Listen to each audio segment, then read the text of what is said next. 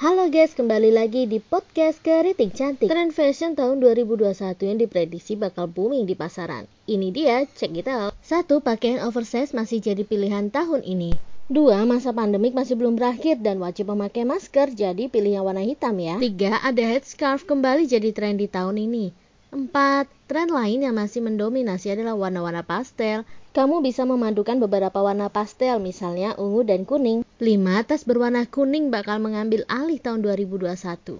Selanjutnya ada mantel dengan motif folk yang nggak boleh kamu lewatkan. 7. Sepatu boot putih tinggi selutut bakal kembali lagi tahun ini. 8. Style yang memadukan warna kuning dan camel juga bisa kamu ikuti. 9. Kamu lebih suka outfit monokrom, tapi pengen menambah sesuatu yang fun, gunakan aksesoris serba biru, mulai dari clutch, sling bag, bucket hat, atau boots. Satu lagi tren klasik yang bakal booming tahun ini, yakni dengan tas rumba yang menjuntai. Ikuti terus podcastku yang lainnya ya, terima kasih.